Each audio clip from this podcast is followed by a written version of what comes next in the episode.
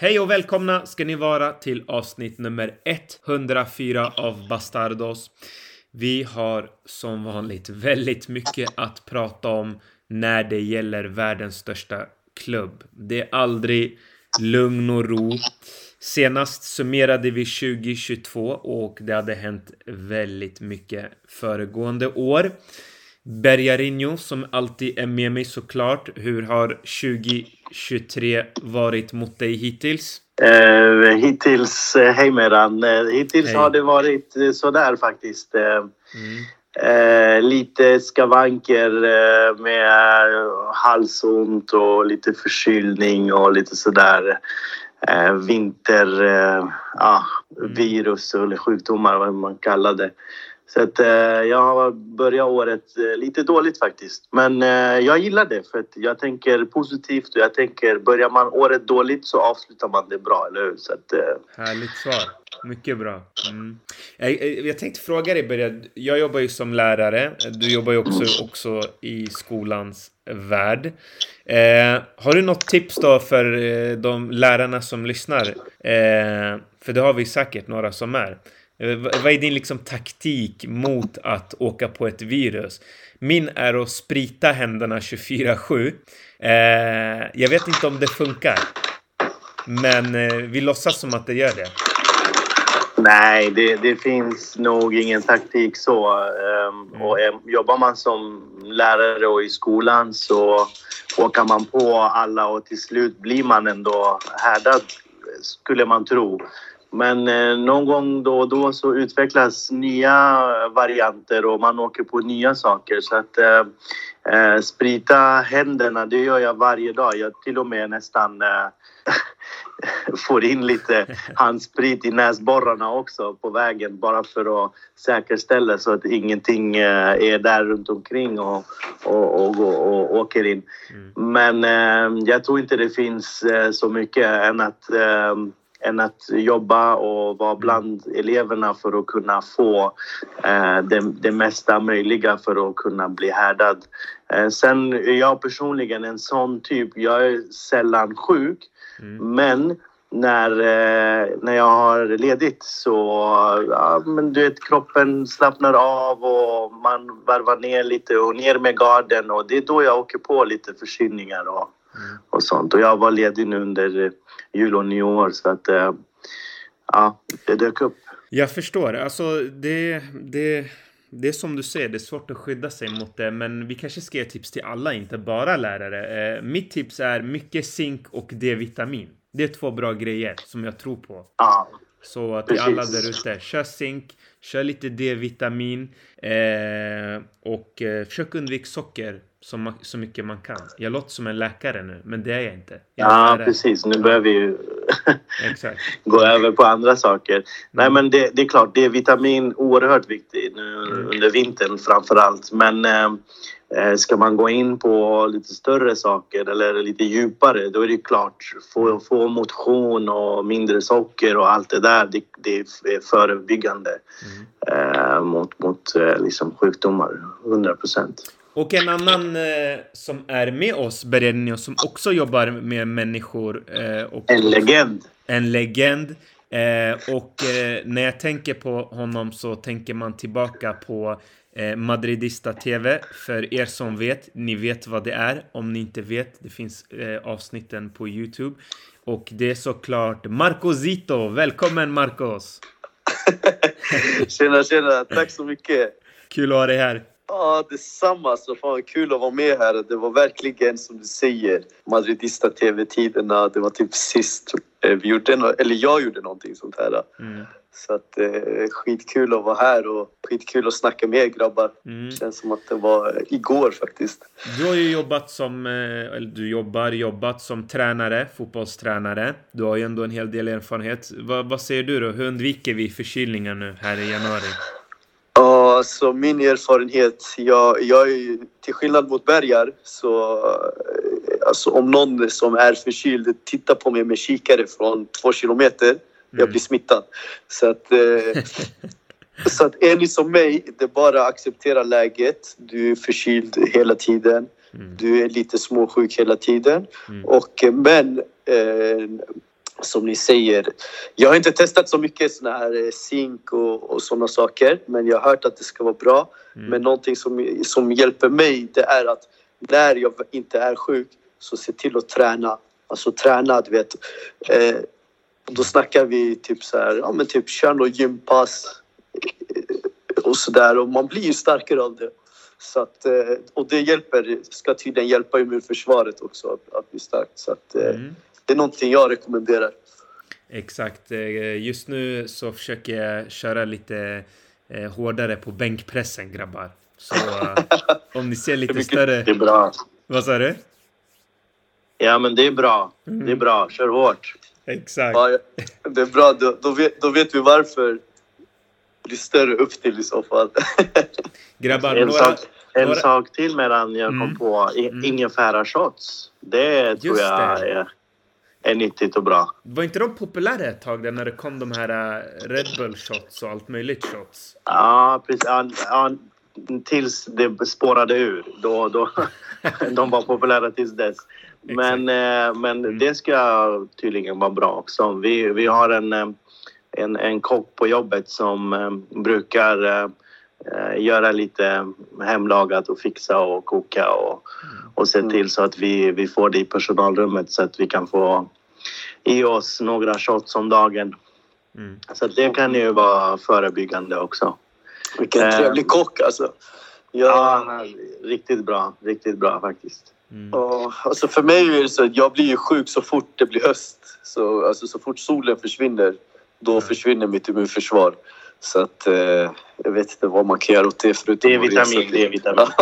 Ja, exakt. Men man ska tydligen börja med det en, en, en bit innan Mm. Ja. Vintern innan.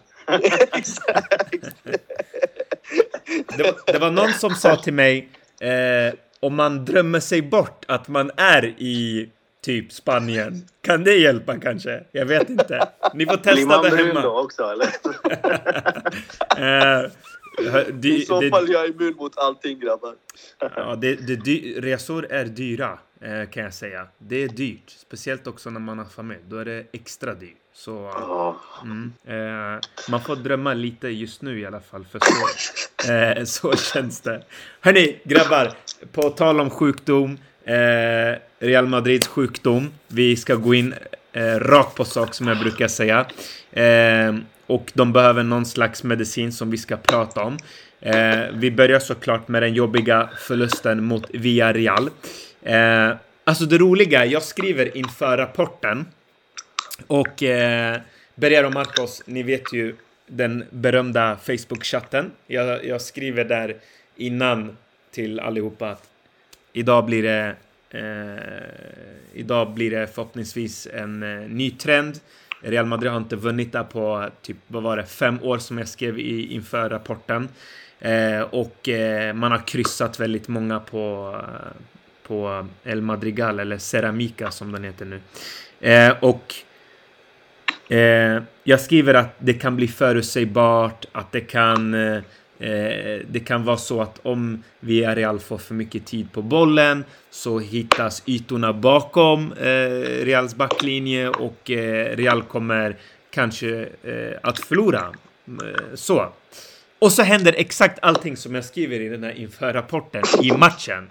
Och jag tänker tillbaka, vi får, jag får lite déjà vu, eh, när eh, vi pratade förra året om Ancelotti och eh, hur förutsägbart det är. Vi ska komma in på bristerna mot just Villarreal, absolut. Men jag tänkte börja, om vi börjar med att visst kändes det som att någon har bara spolat tillbaka en video och så är vi här igen. Eller vad säger du? Ja, exakt. Man hade exakt samma känslor som eh, eh, liksom förra vintern i januari när Real började hacka och eh, stå för många bleka insatser och där timing och rytm och allting saknades och det var trötta spelare. Och, så att, eh, ja, det var déjà vu verkligen. Och, och själv så var jag väldigt... Eh, os, jag var väldigt liksom, spänd för att Real Madrid och första matchen på året i januari, för mig är det alltid förlust. Mm. Jag vet inte. Så länge jag minns. Jag vet att jag tror att de vann förra året. Eh, första ja. matchen i januari. Men så länge jag minns, alltså om jag skulle bara gissa mig fram, då tror jag det är fler förluster i januari. Eh, första omgången efter nyår liksom. Mm. Eh, och det var inte lätt att möta Villarreal också som är bra egentligen. Eh, de har kommit igång eh, under eh, eh, Setien och hans fotboll. Och, eh, man såg redan från liksom, första 15-20 sekunderna när Real började slarva i backlinjen och det, det uppstod chanser fram och tillbaka och det var så här. Ja, det, här, det, det, här, det här laget har inte vaknat på rätt sida. Nej, precis. Och jag menar, jag... Eh, inför när jag skrev det här så jag hade det lite på känn att det skulle kunna gå åt skogen. Men ändå, man har lite den här som ett fan att nej men nu kommer det vända för att det har varit dåligt så länge. Alltså på fem år har man inte vunnit här och man tänker att någonting kommer komma bra, men ändå man är lite rädd och så händer det och det känns som att spelarna också är, är lite trötta. Alltså, de har varit svår, de är svåra att få igång eh, och här är frågan. Va, vad skulle Ancelotti ha gjort skillnad i den här Villarreal matchen taktiskt tycker du Berger? Eh, för att det såg väldigt segt ut och förutsägbart. Och, och att man backar hem mot Villarreal som att det vore Manchester City. Det var beklagligt att se faktiskt. Uh, ja, precis. Uh, visst ska man respektera dem för att de är bollskickliga och de har klara idéer på hur de ska spela uh, sitt spel. Ehm, men Real Madrid hamnade lite mitt emellan där man uppställningsmässigt, om vi tar till exempel, du har en mittback eller jag, jag vill säga att Militao är en mittback. Han var ju högerback i den matchen då. Uh, så att formationsmässigt, du har placerat ut en mittback som högerback. Uh, du har Mandi på den andra kanten som vi har pratat om tidigare också. Så redan där, du är liksom av med dina vingar. Du, du har inga liksom, offensiva ytterbackar som kan fylla på, som kan ge dig trygghet i det offensiva spelet och så vidare. Mm. Så att, där har man ställt in redan från början att nu är vi defensiva. Men i matchen så börjar de trycka upp och göra saker och ting som Real Madrid bör göra. Ta tag i taktpinnen och liksom försöka ha ett eget etablerat spel på Villarreals planhalva och så vidare. Ja. Men när du inte har ytterbackarna som kan överlappa, liksom, Nej, som kan komma runt och kan komma på inlägg och liksom de bitarna. Mm. Då fastnar du hela tiden och de försökte centralt gå in och det var via Vinicius och du vet. Äh, som sagt, ingen rytm, ingen timing. Det, det är äh, alldeles för Eh, för dåligt. Mm. Marcos, jag tänker så här. Om man startar med fyra mittfältare, vilket Ancelotti gjorde i den här matchen. Han startar alltså med Valverde, Toni Kroos, Meny, eh, Luka Modric. Och vi vet ju också att Valverde har ju en liten speciell roll. Men han var ändå där i mitten och försökte hjälpa till. Ibland gick han ut till kanterna. Ändå kunde man inte kontrollera mittfältet. Är det oroväckande om du som tränare är vid sidlinjen och så säger också Ancelotti efter matchen att det var just, i, alltså, just vid mittfältet att det fanns ingen kontroll där. Va, vad säger du?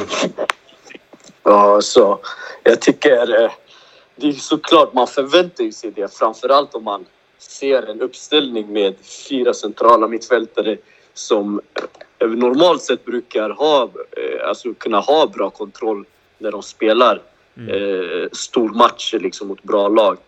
Men alltså det är klart, alltså jag tror, jag tror hade det här varit liksom en lite, mer, lite senare i säsongen eller liksom en Champions League-match eller så tror jag självklart att spelarna hade eh, presterat annorlunda.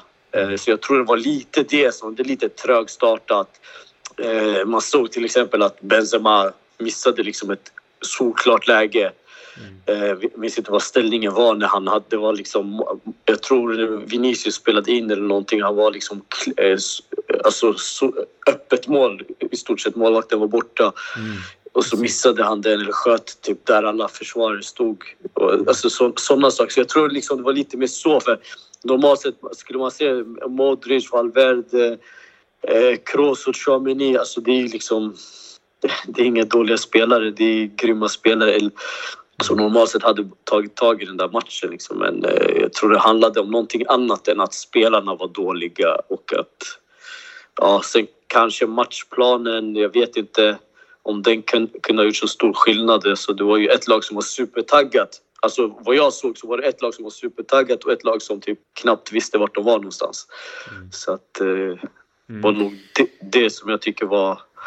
Eh, sen så ska man, så tycker man ju ändå att det, är Real vi snackar om, Real Madrid. Eh, man ska, man har kravet på sig att vinna, vinna ligan och då ska man någonstans ändå... Det här är en sån match som, där man förväntar sig liksom att laget kanske inte presterar bra. Eh, spelare underpresterar och sådär, men man ska likt förbannat få med sig tre poäng. Mm. Det är liksom ändå kravet. Så därför vart jag, vart jag ändå besviken i slutändan för att oavsett hur det såg ut på planen så är det de där tre poängen som ska in en sån här match bara. Mm. Och jag menar, jag tycker så här, om vi ska gå in lite ännu djupare på det här och börjar Eh, vi kan ju prata mycket om att spelarna inte kommer upp i nivå, ytterbackar finns inte och så vidare. Eller att man eh, tappar kontroll på mittfältet och så vidare. Men det känns under de här nu många åren att eh, det händer lite för ofta att man tappar eh, i sådana här matcher. Vad, vad, tror du att det beror på Berger? Nu som Marcos säger till exempel att i Champions League så hade de inte gjort så här och det är i sig också irriterande för nu vill man ju ändå se Real Madrid lyfta några La Liga-titlar. Nu här har man chansen. Titta på Barcelona. Det är ett skadat Barcelona. Låt oss vara ärliga. Man, man kan inte vara snäll. Det, det, det, är en klubb som har varit i gungning. De har inte vunnit Champions League sedan 2015. Eh, de har tappat Messi, de har tappat flera bra spelare och eh, det här var den här säsongen tror jag. Om inte Barca vinner titlar, då kan det bli riktigt illa att man behöver sälja av spelare och då menar jag inte några halvdana spelare utan då pratar vi om de bra spelarna som de har. Eh, och det känns som att varje gång Real har chans att döda Barcelona under några år framöver, då tar man inte den. Och så fort Barcelona har den chansen, då, då tar de den direkt. De är villiga att förnedra Real Madrid. Det finns inte, nej men vi tar inte den här matchen seriöst, utan man gör det 100%. Vi kan såklart säga att ja, men Champions League, det är Real Madrids DNA och så vidare, men det börjar bli nu eh, ett litet trött argument för att det är nu man har chansen att verkligen steppa upp. Men tillbaka till min fråga Berre, vad, vad, vad tror du? Alltså, vad ska Real göra för att bryta det här mönstret? För man, och, och, och, så ska vi inte glömma bort, Real Madrid ledde ligan för bara några omgångar sedan. Man hade ju redan eh, vet du, satt lite spiken i kistan. Man avverkade Barcelona, man ledde några poäng och så tappar man mot Rayo Vallecano. Man tappar mot Girona. Vad säger du Berger? Um, alltså, ja, jag håller med nu när ni har pratat eh, speciellt Champions League där Real brukar växla upp. Eh, ehm, det finns ett sug efter, efter, eh, efter titeln. Eh, man jagar eh, och är hungrig efter den här CL-titeln men man ser inte samma sak i, i ligan. Eh, det är lite oroväckande.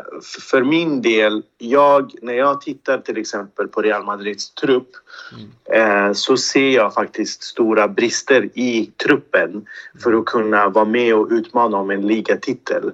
Eh, och ehm, Barca, om du var inne på dem, nu när de har byggt och liksom storsatsat så som de har gjort så har de försökt eh, i alla fall ha minst två bra spelare på samma position mm. eh, där de kan liksom eh, alternera lite. De vet att säsongen är lång och det är olika matcher och så vidare. Men för Reals del så tror jag att hur vi vrider och vänder så blir vissa matcher på året, för det är inte alla, det är vissa matcher på året vid enstaka tillfällen här och där, mm. där Real Madrid lägger sig platt och det orkar inte spelare som Modric, Kroos, Benzema och du vet det äldre gardet som redan har vunnit mycket, varit där och finns där och spelar ständigt också. De orkar inte hålla upp den här motivationen. Eh, och det, det kände man nu mot Villarreal att den hungern fanns inte. En Parejo blev till exempel, han spelade som Pirlo eh, mot Modric och Kroos. Eh, som vanligt, eh, exakt. Ehm, så att där fanns det, man såg att den inställningen är annorlunda. Ehm, eh, sen så håller jag med Marcos, alltså det spelar egentligen inte så stor roll för Real Madrid om spelet tickar på eller inte. Real har en tendens att ändå eh, liksom höja sig vid speciella tillfällen under matcher, skapa den där chansen för att kunna komma in i matchen, skapa den där chansen för att avgöra matchen. Och det gör de ju också mer eller mindre mot Villarreal lite här och där. Eh, men eh, generellt så tycker jag att truppen, om jag tillbaks till min liksom första eh, grundargument för varför Real inte är med och utmanar det här laget. Det är en 12, 13, 14, 15 spelare som är byggt för att vinna en cup, en turnering. Den är inte byggt för att vinna en liga. Tar vi nummer nio positionen till exempel, vi har bara Benzema. that's it. Och det ska inte vara så i en klubb som Real Madrid som vill vara med och utmana om titlarna och samtliga titlar och speciellt i år när man har VM för klubblag också och spela om nu snart. Så att eh, eh, titta på liksom vänsterbackspositionen, eh, man tittar på Modric, eh, någon slags, jag ska inte säga ersättare, men någon som kan avlasta honom lite då, lite då och då. Aha.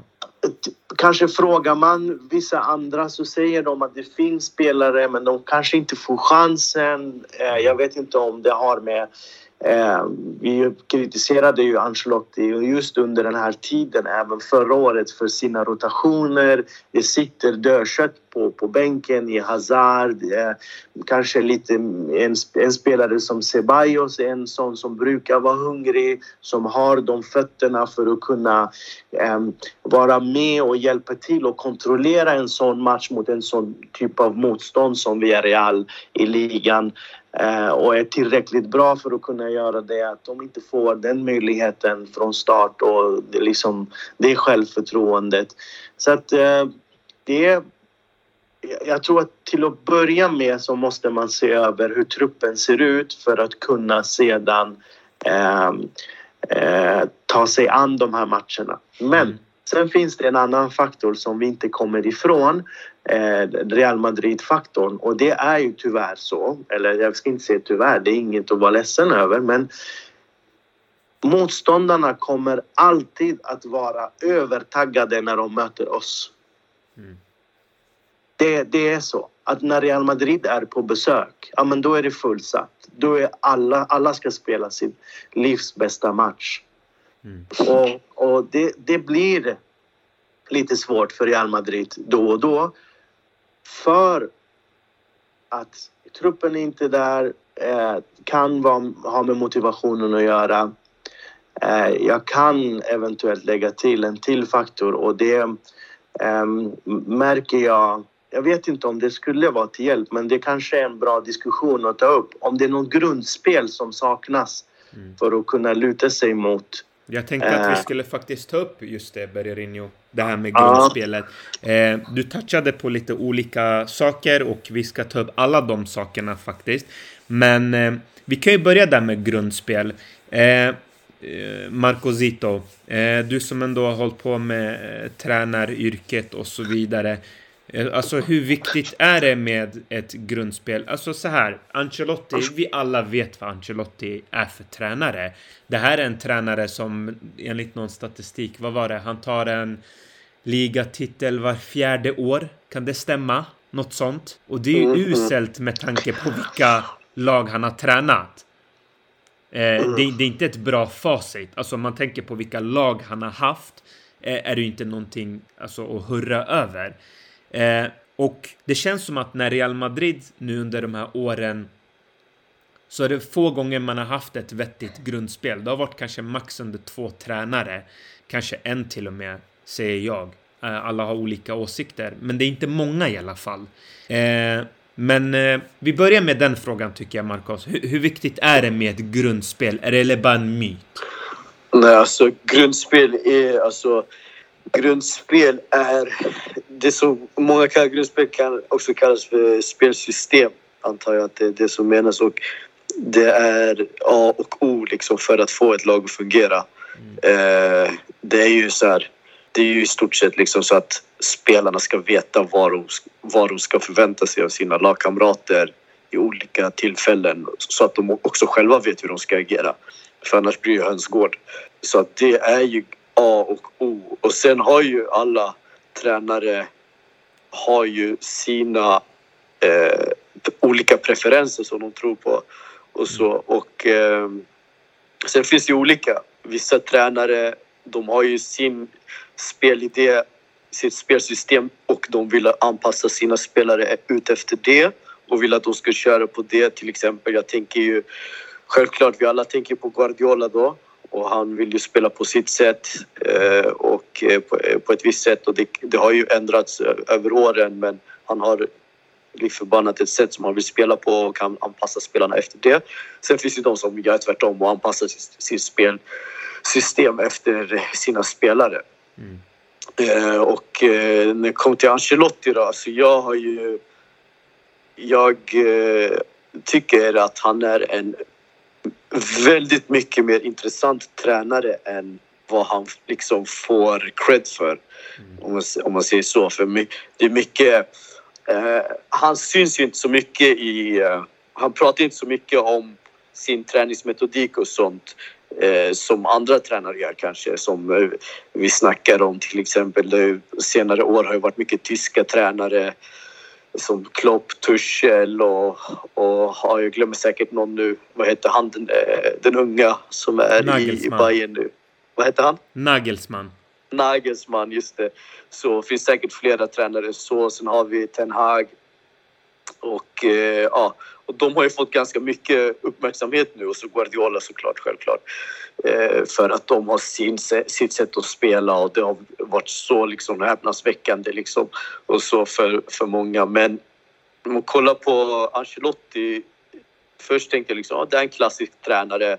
Jag hade inte så jag ska vara helt ärlig, jag hade inte superkoll på honom. Visst, han hade varit i eh, Milan och gjort det bra där och fått sin status och liksom och PSG och lite grann i Chelsea också va, och sånt där. Så att, eh, men mer än så eh, visste jag inte om jag ska vara helt ärlig. Sen började jag kolla lite mer och vet, och framförallt kolla på hur han arbetar och det är ju svårt att få reda på för att det är inte så mycket out there men jag hittade någon podd då med hans, eh, med hans son. Mm. Eh, Davide som eh, är, också är hans assisterande tränare idag.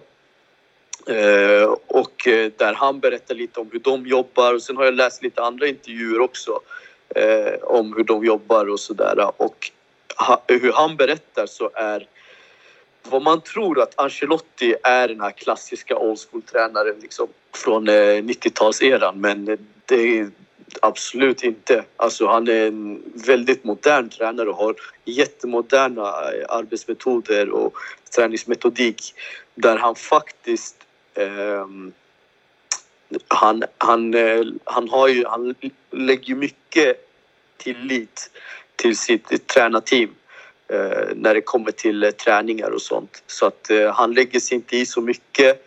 Liksom han, eh, han är inte inne och petar i allting under träningarna till exempel. Mm. Utan han låter sina tränare driva på träningen. De, har liksom, de snackar igenom vad de ska göra för någonting och sånt.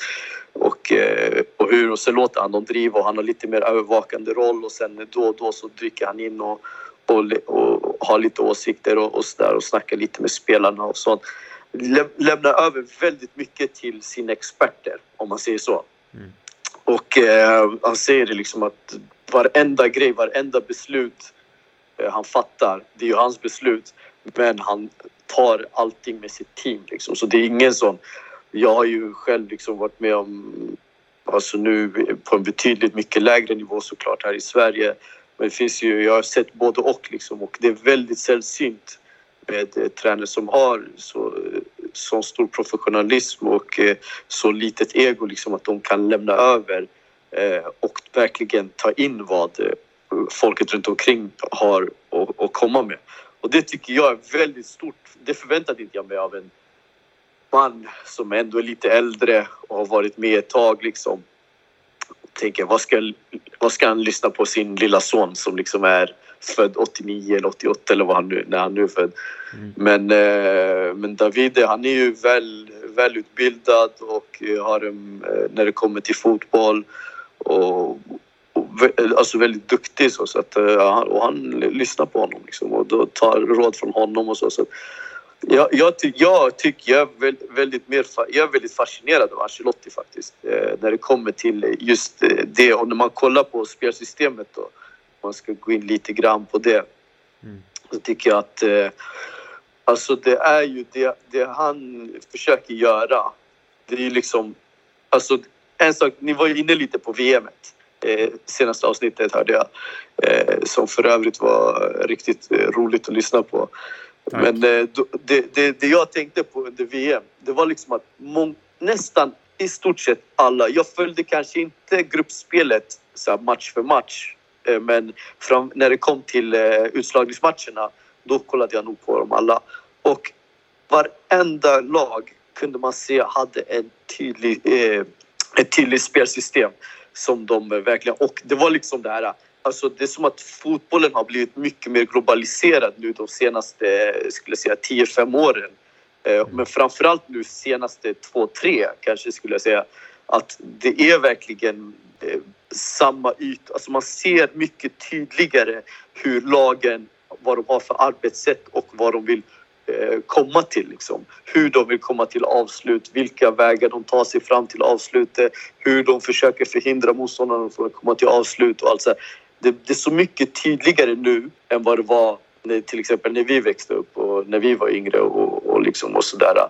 Eh, så att det, det blev jag imponerad av och när jag tänker på Real då ser liksom att det Ancelotti, hans spelsystem är väldigt modernt. Eh, alltså det han försöker, eh, försöker åstadkomma på planen. Sen är grejen att Real Madrid har så otroligt skickliga spelare. Alltså jag tror inte ni förstår grabbar. Alltså, jag, om, om ni verkligen vill uppskatta Real Madrid då ska jag rekommendera er att göra så här en helg. Okej? Okay? Mm. Eh, åk ut. Säg att Real spelar en lördag klockan 21.00. Okej? Okay? Mm. Gå in på... Eh, ja, Berga, du bor i Stockholm. Eh, men du kan kolla där i Uppland. Mm. Gå in på er, er, er, ett fotbollsförbunds hemsida. Kolla vilka matcher som spelas den dagen. Välj en match. Ta mm. den på högsta nivån som, eh, som finns där i området som spelas den dagen. Åk ut och kolla på den matchen. Okej? Okay? Mm. Kolla på den så får ni se sven, alltså så här, svensk fotboll. Sen åker ni hem, sätter på eh, Premier League-studion, kolla på en Premier League-match. Inte City dock, men kolla på typ United mot Chelsea eller något annat. Eh, Liverpool till och med. Kolla på dem. Okej? Okay? Mm. Och sen så sätter ni på Real efter det, efter de två matcherna. Alltså ni kommer se då, alltså då kommer ni verkligen uppskatta de här spelarna som Modric, eh, Chouameni, eh, Al Alaba. Eh, mm. Alltså alla de här spelarna, det är magiker. Alltså det är magiker. Så att det Ancelotti gör, det blir kanske inte lika tydligt för att de här spelarna, de kräver eh, en viss typ av frihet. För att de är så pass bra på att lösa situationer och de vill liksom, de är experter på att sätta sig själva i situationer där de kan liksom ta fördel av sina egenskaper. Tror du så det kan exempel, bli problematiskt. Förlåt, jag kommer in här, men det är så ja, intressant absolut. allting du säger. Jag, jag är verkligen så fascinerad av det du säger nu. För det är roligt att höra en liksom annan version. För om man, om man lyssnar liksom till vad vissa fans säger just nu, många är arga, ut med Ancelotti. Det här måste vara hans sista säsong. Det räcker nu. Vi behöver en tränare med ett grundspel. Vi behöver nu en modern tränare och du berättar ju en helt annan his historia och sida, vilket är skönt eh, så att vi får höra liksom båda delarna. Och man blir ju inte en sämre tränare på en dag. Förra året, mm. alla sa att Ancelotti var bäst i världen. Han fick ju pris, han fick eh, hur mycket hyllningar som helst. Han är perfekt för Real Madrid, han är som handen i handsken. Han har nu eh, använt stora delar av truppen. Eh, det här funkar bra och så vidare. Och nu hör man en annan sida där fans är irriterade, arga. Men min fråga till dig Marcos är att om man går vidare från Ancelotti, eller om som du säger, om man hämtar någon mm. som är tydlig med spelarna och säger så här. Du ska röra exakt så här och du ska göra exakt så här som Guardiola gör. Guardiola ger inte den här friheten som Ancelotti ger. Eh, Klopp gör inte det heller. Eh, det, det är väldigt tydligt vad de ska göra.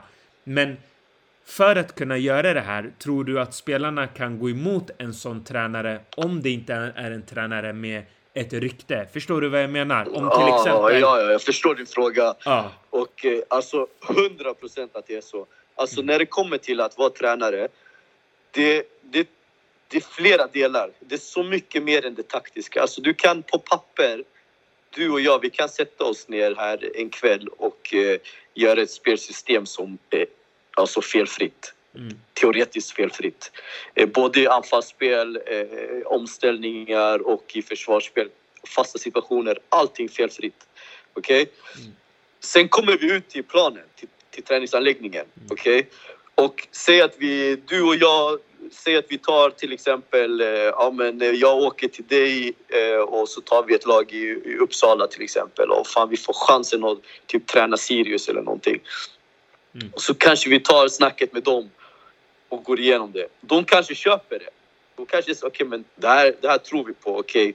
Okay, ja, ja. Eller så säger de så här, vilka fan är de här? Vem fan är han som ska säga till mig att jag ska göra så här i den här situationen när jag, när jag har gjort så här hela mitt liv? Mm. Och, så, och där, måste man, där kommer ju den här personliga, hur man eh, arbetar med personer och där kommer den biten in. Och då mm. måste man, du måste alltid kompromissa.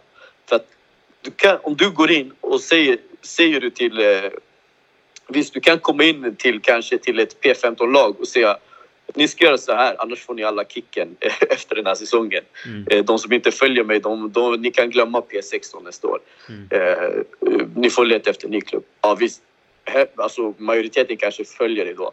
Men ser du det till ett seniorlag då kanske, och i det här fallet snackar vi Ancelotti i Real Madrid. Kommer du in och säger så till, eh, till någon som Modric. Nu verkar Modric vara en, av, en väldigt alltså ödmjuk person mm. eh, som säkert skulle kunna försöka. Men om vi säger till exempel, skulle man komma in och säga så till Ramos eller en Benzema som har visat lite att de, de har den här attityden, lite, lite småarroganta och sådär. Mm. Eller ja, kommer du in snett i relationen till, med, till Vinicius, du, alltså hur ska du, då, då ryker du. Och då spelar det ingen roll om du har världens bästa spelsystem liksom och dina underbara principer är värda noll om inte du kan få ut det till dina spelare. Och det är det man alltid säger. Alltså en tränare är inte bättre än vad de kan få ut till sina spelare. Mm. Och alltså vad man kan kommunicera till sina spelare. Och det är bara att kolla i Real Madrid. Vi har ju haft eh, en, en eh, teoretiskt, tycker jag, eh, intressant tränare mm. som rök efter ett par månader och det är ju Lopetegui. Mm. Och det är så här, ah, jag tyckte han hade intressanta idéer och ville spela på ett intressant sätt och sådär. Men, men Ja, och man såg ju verkligen på matcherna att man såg att spelarna gjorde verkligen saker som man inte har sett dem göra tidigare. Men sen så höll det inte. Och det var väl någonting där att han kanske inte... Och sen kommer någon annan tränare in som Zidane då, som har det här, som verkligen kan kommunicera med spelarna. Och kanske inte har det teoretiska 100 procent och måste, du vet, på grund av att han har så lite erfarenhet och så, experimentera sig fram lite grann. Men han får ändå med sig spelarna. Mm. Så att det är liksom de två delarna som är... De två delarna måste klicka. Och jag tycker att Ancelotti gör det ganska bra. Och då blir det typ så här, en sån här Villarreal-match till exempel.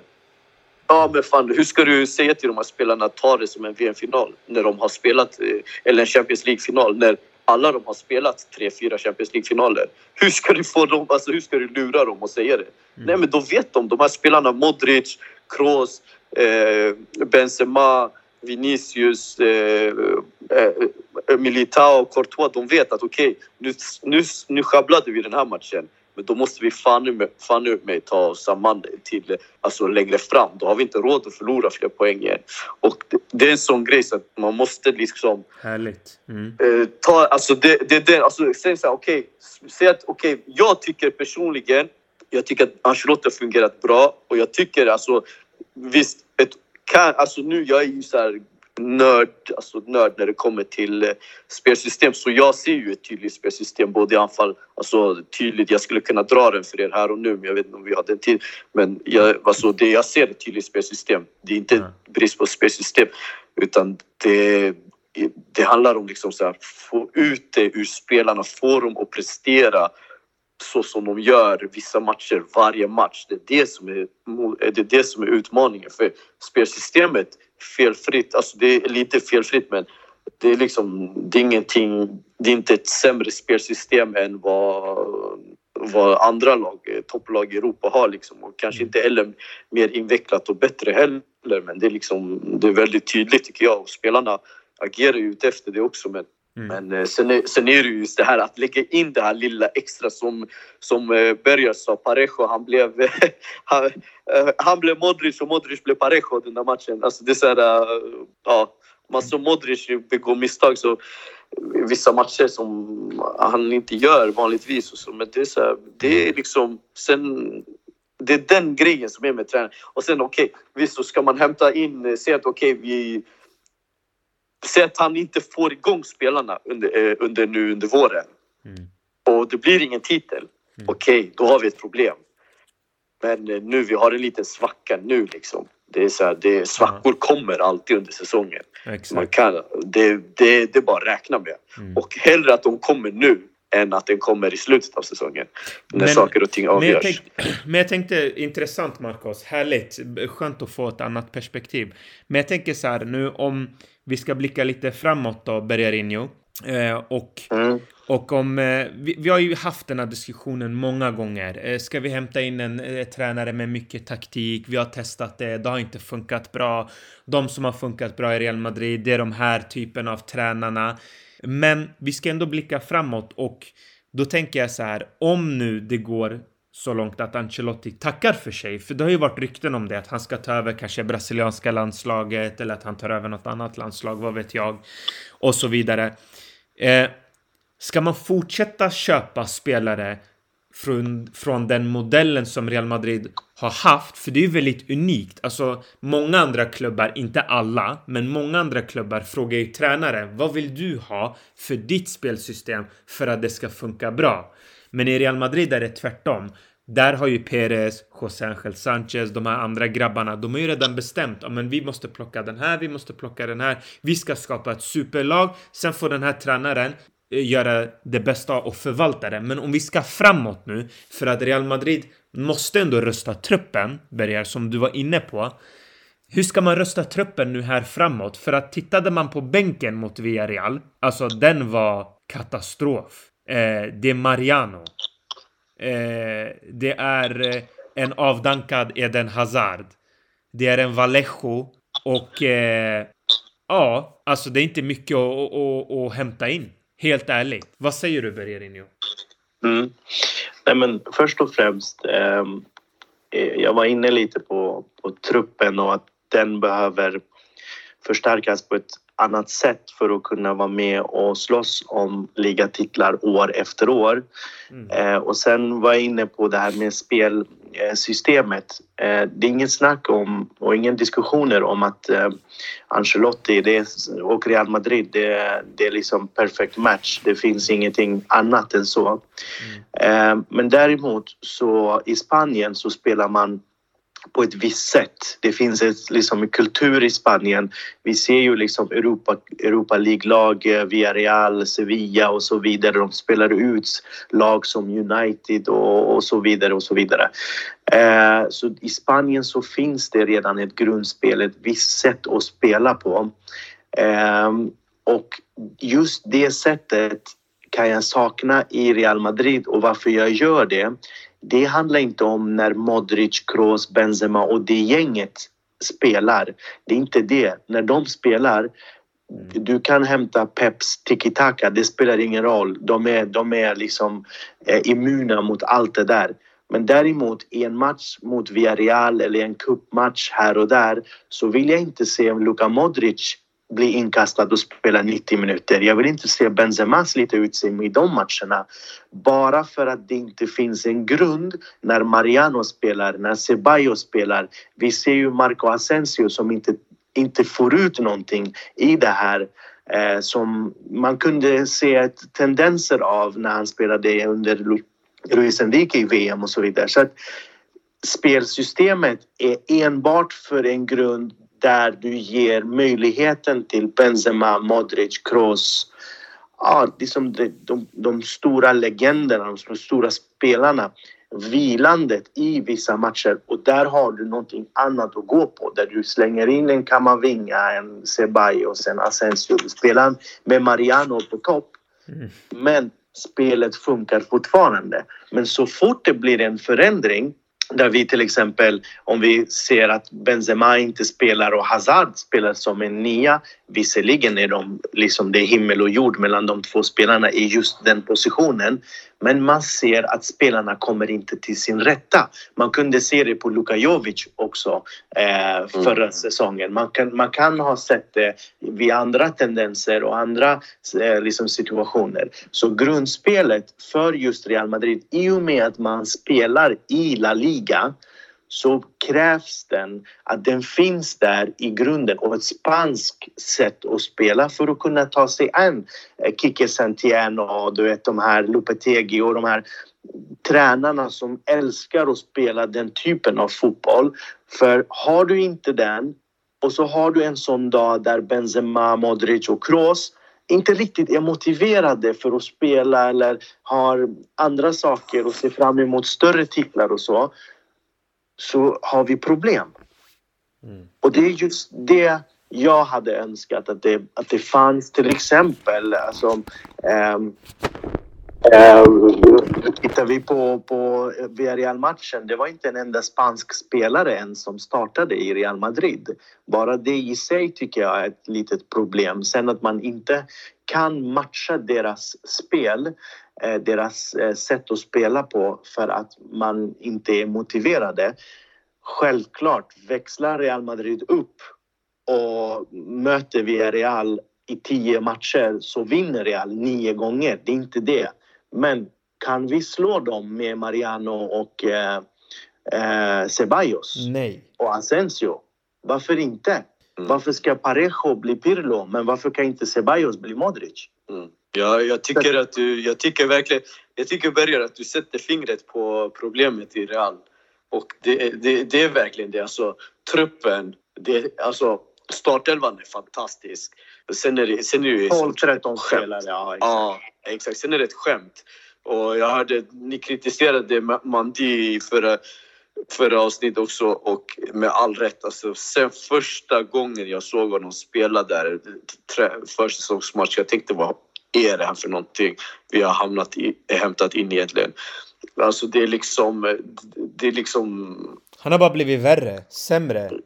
Ja men grejen är, han har så här, alltså det, han, han har livsfarliga tendenser. Alltså den där passningen han slog in i, i alltså som han slog bort där mot Villarreal när de kontrade in ett mål.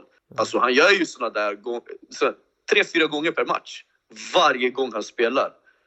Mm. Och det är liksom, mm. det, är bara, det är bara för att Modric och Kroos och Benzema och de här har såna kuddar till fötter liksom, så att de verkligen kan kontrollera och, och lösa de där situationerna de hamnar i på grund av hans galenskaper som det, som det oftast inte blir mål. Men den här gången vi förlorar matchen på grund av det. Mm. Och det alltså de spelarna som du nämnde, de kan ju läsa av matchen på ett helt annat sätt och de kan anpassa sig till de matcherna. Men vi ser ju en som Mondi behöver struktur. Mm. Behöver liksom ha en tydligare roll för att kunna hantera svackor möjligtvis när han också har sin Super Mario-stjärna att han levererar som han gjorde i Champions League många gånger eh, föregående säsong. Eh, så att eh, det händer. Men när, man, när du har en dålig dag och du heter Ferland Mandi, inte Luka Modric eller Kroos eller eh, Benzema om vi tar de tre spelarna eller Courtois också som egentligen är en av de eh, liksom stjärnorna i laget. Bäst i världen. Mm. Andra behöver den här strukturen för att kunna ta sig an motståndare i Spanien framför allt. Och motståndare, då pratar vi också om alltså ganska eh, liksom topplag. Vi, vi har eh, vad heter det, Ernesto Valverde i, i Bilbao som gillar att spela den typen av fotboll. Du har Kike Setien. Förra året hade vi Lopetegi i Sevilla. Och man märkte att det finns en viss problematik i Reals spel. Men i slutändan Modric löste det i slutändan, Benzema löste det i slutändan, Vinicius löste det. Men när de inte har sin dag och inte är på topp, då ska du ju kunna spela med i en, en cupmatch, alltså kopparmatchen när de mötte mm. division 2-laget, eller vilket det var, division 3. Eh, där helt plötsligt är det, vi ser Hazard och det är Asensio och det är Ceballos och det är lite andra kombinationer och konstellationer i startuppställningen. Då funkar inte spelet. Varför då? Ja, men då är det för att det brister någonstans. Så jag hade önskat att eh, nu när vi går tillbaks till din fråga Meran. Mm. Real Madrid har ja sin egen modell och de går efter den modellen och mm. de anställer tränare som vill och uppskattar den modellen som Real Madrids ledning redan har förutbestämt. Mm. Så att, eh, den, den, kan inte en tränare komma in och försöka ändra. Eh, och för att förstärka det, eh, det ni var inne och pratade om också tidigare. Under Lopetegi, ja men då såg vi en Ceballos lysa. Vi såg vissa spelare som inte brukar kliva fram och vara den stora spelaren kunna göra det. Möjligtvis hade en Ödegard kunnat vara fantastisk. Eh, mm. Eller en, en sån tränare som har den strukturen. Oh ja. men, men när det inte fanns Ehm, så, så, så brast det, så blev det inte alls som det. Och det är samma sak med Zidane. Han har ju sina 10, 15, 13, ah, 15 spelare i alla fall och kör eh, kör med dem och, och, vinner med dem och så vidare. Och, och så fort det blir lite förändringar så saknas det någonting. För... Eh, visserligen när han hade den här supertruppen 2016 mm. då kunde han ju byta ut hela elvan och få ut maximalt från spanska spelare som Isco, Morata, Asensio och så vidare också. Så det fanns någonting men det är den avsaknaden jag har eh, av nästa tränare som kommer in i Real Madrid och jag tror faktiskt att det kommer att bli Raúl och jag är, eh, jag är ganska spänd faktiskt för att han har den spanska och jag tror att han, eh, och han, han är en sån stor legend att han kommer få den respekten från vem, vilken stjärna än det är som anländer till Real Madrid. Så att jag tror där kan man få ut lite mer av eh, liksom bänkspelarna och reserverna och eh, spelare 16, 17, 18 till ända fram till 24. Eh, mer av en sån spelare som Raúl eh, och med en sån spelare som Angel en sån tränare som Ancelotti eh, och Zidane, där får du ut mer av spelare 1 till 14 eh, och då vinner du oftast Champions League kupper, alltså så här stora... Jag ska, vara, jag ska vara helt ärlig, anledningen till att jag också tar upp lite av de här grejerna är också att det är en, en, en oändlig debatt, men jag har ju nämnt det här i flera år, Berger, sen vi har startat den här podden har jag haft den här åsikten. Jag vill ha, nu tycker jag att det är dags att gå vidare lite från de typen av tränarna. Jag vill ha en annan typ av tränare.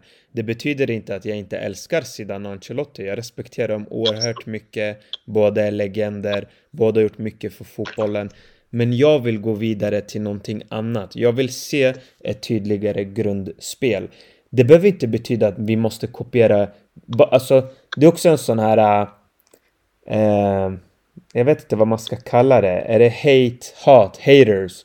Alltså, man, man är inte en, man behöver inte vara en hatare eh, bara för att Barcelona har haft en galen era med sitt tiki-taka, det behöver inte betyda att Real måste göra exakt samma sak som det. Nej, utan att man har ett grundspel som Jürgen Klopps fotboll. Varför inte? Vem tycker inte om Jürgen Klopps fotboll? Alltså det tror jag inte många som tycker att den är tråkig att se på eller att den är väldigt eh, eh, vad säger man? Att den skulle vara på något sätt eh, negativ. Inte attraktiv. Ja, Nej, exakt. Tvärtom. Nej, jag men... tror många skulle älska ja. att kunna se på någonting liknande. Och jag är beredd att Real Madrid tar steget nu vidare och också faktiskt, som vi har varit inne på, eh, fixar till truppen lite. För att de här ytterbackarna Real Madrid har nu, det är oacceptabelt. Carvajal är för skadebenägen. Alltså det, det, är bara så. Sen han åkte på sitt hjärtproblem, det har inte varit samma Carvajal. Det, det är bara så. Det har tagit på honom mentalt, eh, tror jag. Och, men det är inte tillräckligt bra. Och då står man där med Lucas Vasquez, Militao och Nacho. Det, det är inte okej. Okay. Tittar man på mm. de flesta toppklubbarna, det, det här är inte okej. Okay. En kille som Vinicius, han har också fått mycket kritik. Till ni som, ni som kritiserar Vinicius, ni irriterar mig. Jag hade en diskussion med någon kille igår om Vinicius. Ja, ah, han har nu gått tillbaka till sitt gamla jag. Han dribblar av tre spelare nästan varje match. Han springer på den där vänsterkanten upp och ner. Ni som har spelat fotboll, ni vet själva. När man tar så här mycket ansvar, vad händer när man kommer till ögonblicket det ska avgöras? Man tappar koncentration, för man är trött. Han har spelat alla matcher som går att spela. Det är han som styr allt det där på sin kant. Det är kriminellt att han är sådär själv på den där kanten. Det är verkligen det. Det finns inget hot från någon vänsterback. Eh, och det påverkar såklart. Alltså jag förstår inte heller på mig kritiken på, på vissa av de här spelarna som man ger. Jag tycker att Ancelotti är lite ansvarig för det som sker nu, den här svackan. Det är som du säger Marcos, man ska eh, skilja på Ja, ah, Ancelotti har ingen grund... Jo, det har han, men det är inte det man vill se kanske. Det är ju det, det är ju vad man gillar. Eh, så att jag är beredd att gå vidare från Ancelotti.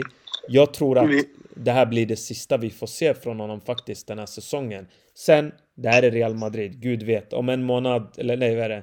Tre, fyra månader, då sitter vi och säger Ja, ah, Bergar, hur kändes det då? Vi har vunnit Champions League igen. Så att, eh, ja. Ja, men, men, men, men också... Ja, förlåt, förlåt Bergar, kör. Nej, kör. Kör, kör. Ja, nej, jag, jag tänkte på en, en, en fråga. Alltså, typ, så här, för att, eh, jag tror nog att det, det som är det, det som skiljer Real från många typ topp, topplag när det kommer till spelsystemet så det, vi, är, vi är så flytande i mitten, alltså mitt, mitt, mittfältet, central mittfält. Vi har Kroos, Modric och sen Chouameni då som har lite mer defensivt ansvar. Men, och innan hade vi Casemiro där.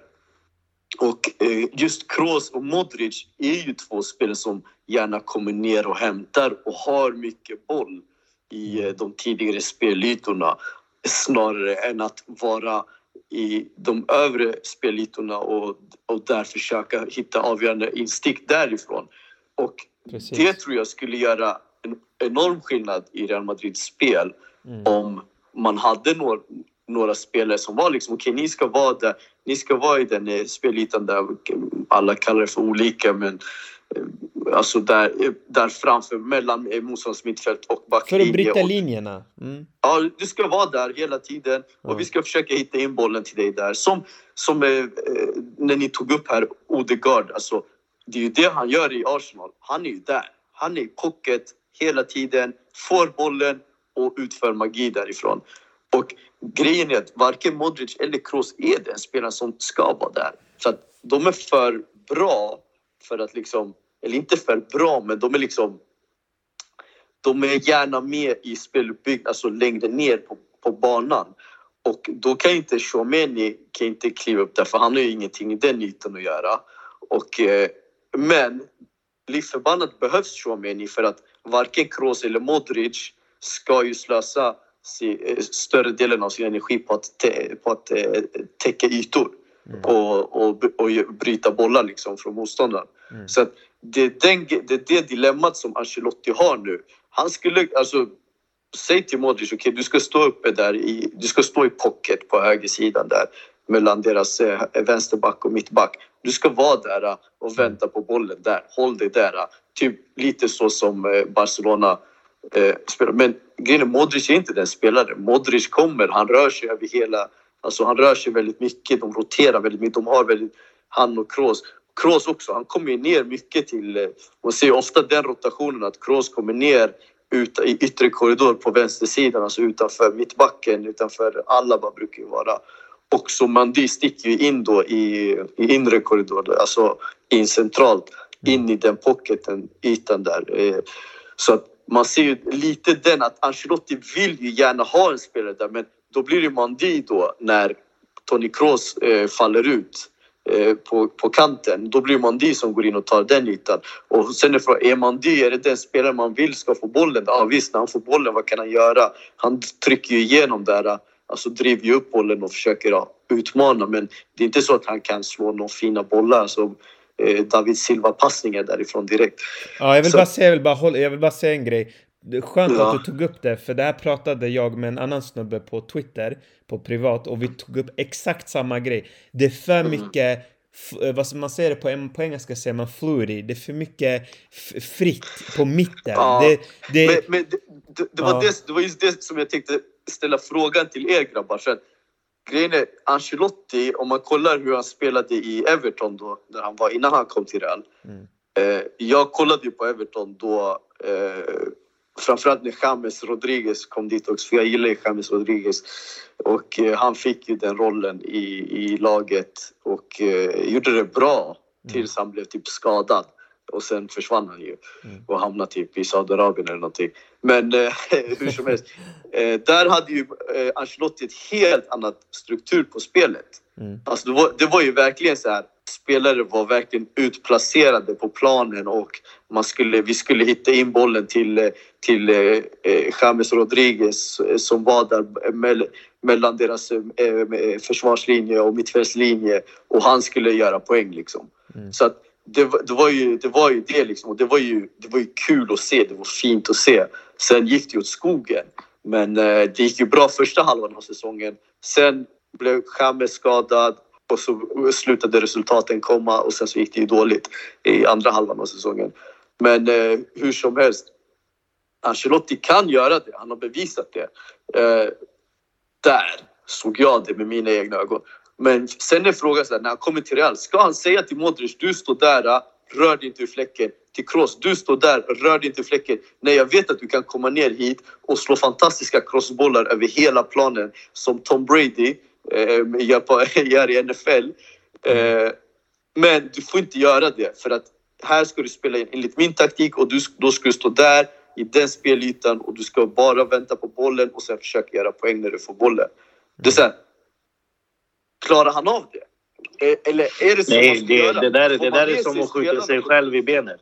Det är, ju, det är lite det. Så då är min fråga, då, alltså, då är min fråga så okej, okay, det är ju så när man säger så okej, okay, men vi vill ha mer struktur i laget, vi vill ha tydligare, mer tydlighet. Då är det, i, i, i princip, det är väl typ lite det man vill se. Eh, för om man tänker efter rent logiskt, alltså hur ska man lösa den ekvationen om du har Toni Kroos och Modric? De måste spela. Det är världens bästa mittfältare. Alltså, det finns ingen mittfältare som är bättre än För mig, den svaret på den frågan för mig är att han behöver inte kanske gå in och säga så här, du ska spela där eller där.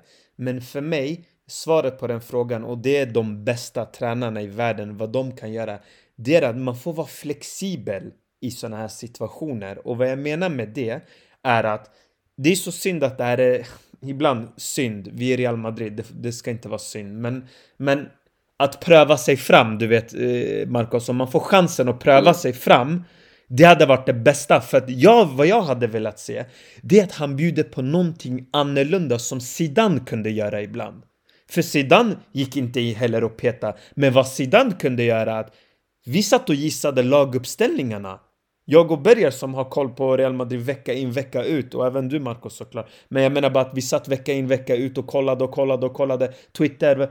Vi kunde inte ens visa en laguppställning. Ibland var det Isco som spelade och vi, och vi satt där och bara Isco är en idiot. Vadå Isco? Han är slut. Och så gör Isco någonting galet och han, han, det är mm. oförutsägbart. Varför prövar han inte till exempel Rodrigo som tia? Rodrigo har definitivt hjärnan för det. Han är tillräckligt spelintelligent för det. Mm. Pröva honom där, kör en tremanna mittfält. Gör någonting nytt så att det inte Mm. blir förutsägbart. En sak som jag tycker om, det är att han startade med Valverde mot Valencia. För Real Madrid gick ju som sagt vidare i Supercupen. Man ska möta antingen Betis eller Barca i finalen, va? Tror det. Mm, ja, just det, de har gjort en miniturnering. Ja, i Saudiarabien. Ja. Eh, och där startade han med Valverde som en liten... Eh, han fyllde in den... Eh, mitt, vad säger man? I, I den ytan där Militao skulle gå in. Eh, Militao kom till en bra yta på grund av Va- Valverde. Och det är någonting nytt som han testade på som jag såg funkade bra. Men det är inte tillräckligt och då är vi återigen tillbaka på det du sa också Marcos. Vilka är det han har? Och Mm. för mig, det enda han har, det är pröva någonting nytt uppe. Det är det, det, det du måste, alltså han måste göra någonting nytt för att jag tror, titta på spelschemat, den är brutal. Alltså det är match nu var, vad är det? Var, var, det känns som att det är match varannan dag nu. Och nu är man borta i Saudiarabien om man spelade 120 minuter. Nu kommer man spela säkert kanske 120 minuter till mot Barca.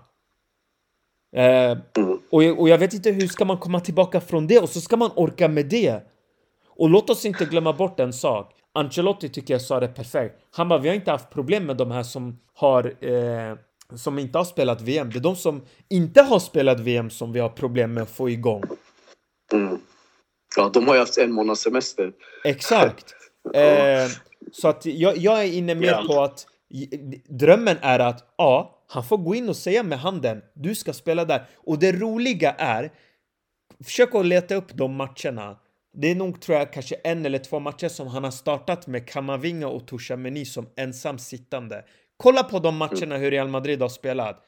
De har spelat riktigt, riktigt bra.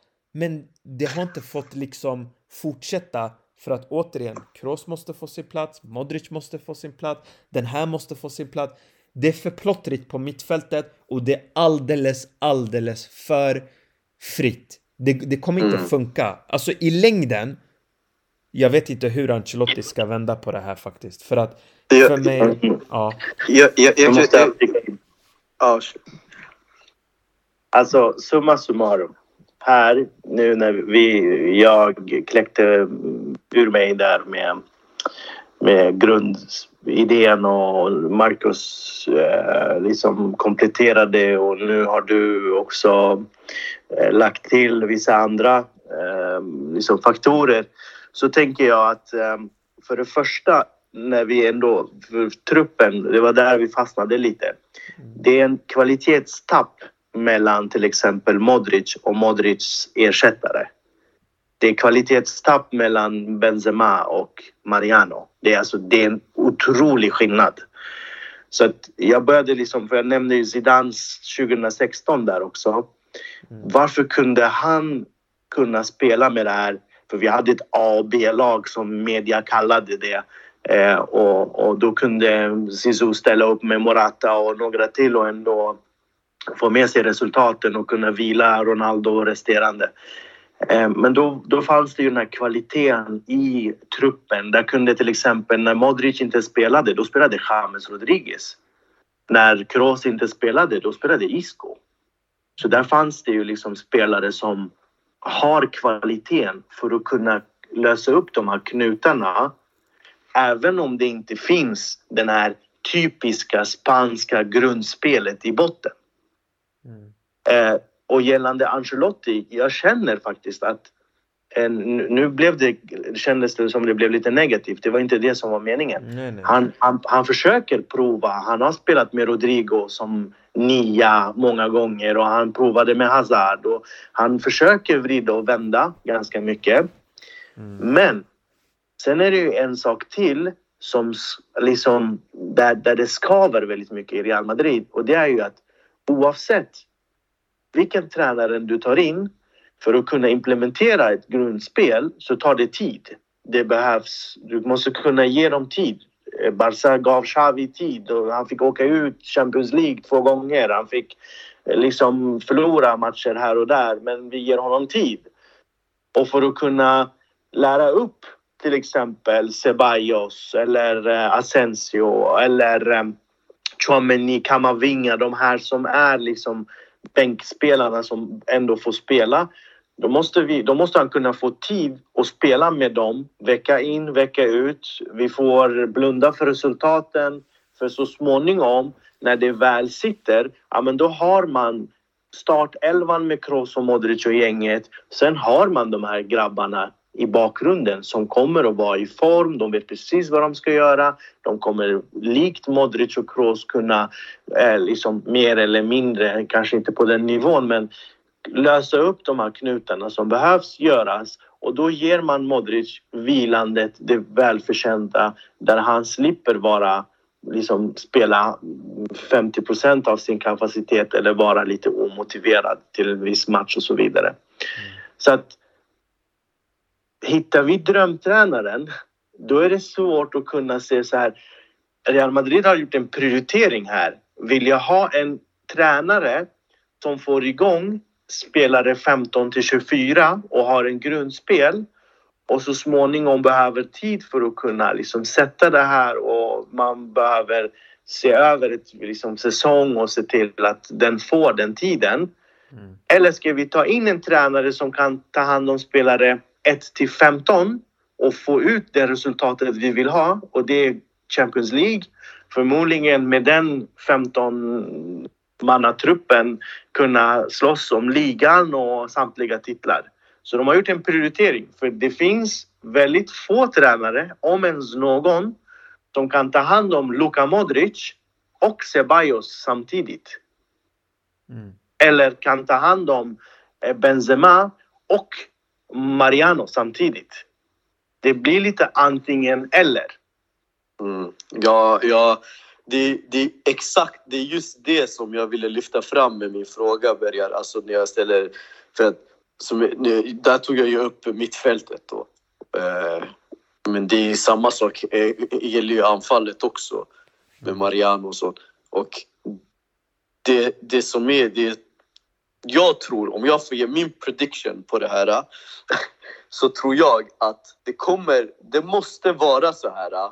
För att nu är Modric är väl på väg, kanske ner för sin peak, tror jag. Han har börjat gå ner lite för sin peak, eller han har peakat i alla fall. Mm. Kroos är på sin peak skulle jag säga. För att jag aldrig sett honom vara så bra defensivt i försvarsspelet som han är nu. Så nu är han mer komplett än någonsin om du frågar mig.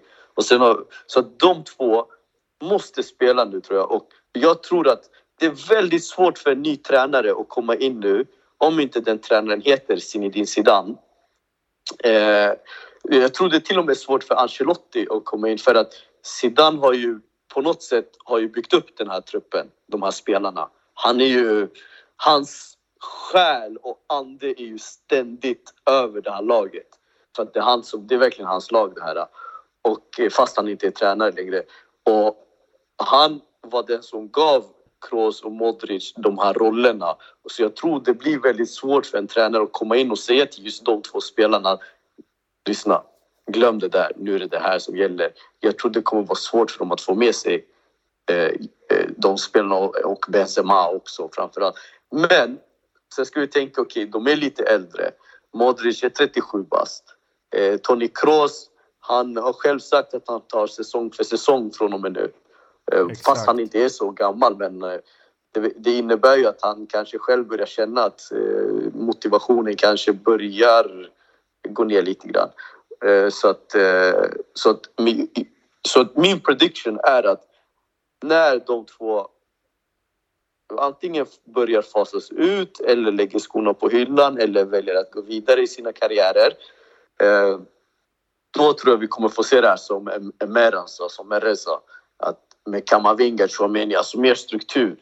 Att man har eh, liksom en sittande, två tior eller två, två sittande, en tia, liksom, du vet, som har klara rollfördelningar i, i mittfältet och i olika spelskeden och så där. Och att vi har liksom en nia. Okej, för nu som, som, eh, som börjar, som du sa, vi har Benzema, sen har vi Mariano och sen hade vi Jovic.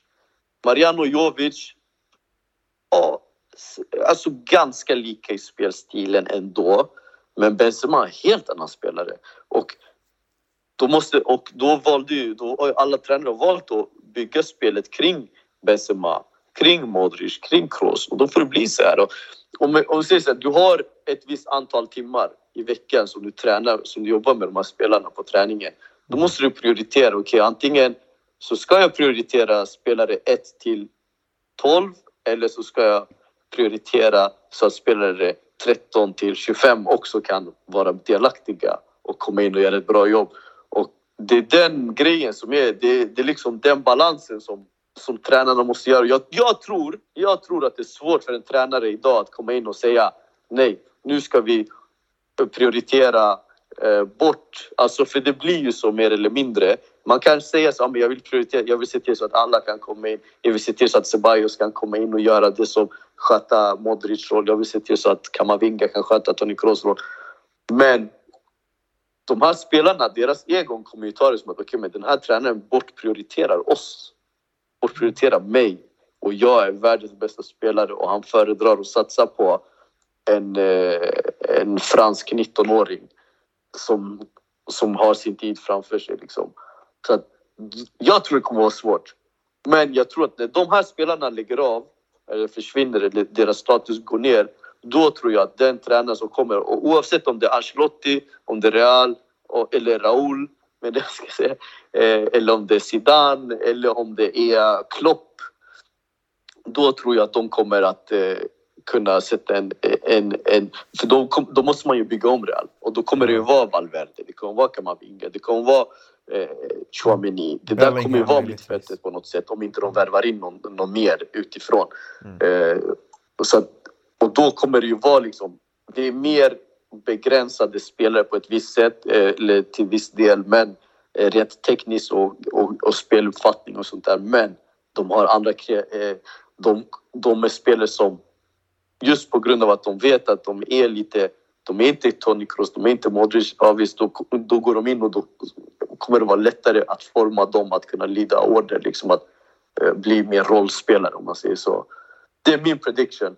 Och jag, så det, det, innebär att jag tror att när de här spelarna försvinner, då tror jag att de kommer bygga om Real Madrid, kommer få ett nytt lag och då kommer man kunna se mer tydlighet. Men jag tror det är för svårt att komma in nu och säga till de här spelarna med sina stora egon att ni ska prestera exakt lika bra men nu ska ni göra si och så och så och glöm allt ni har gjort. Eh, glöm det ni har gjort som har tagit er till toppen.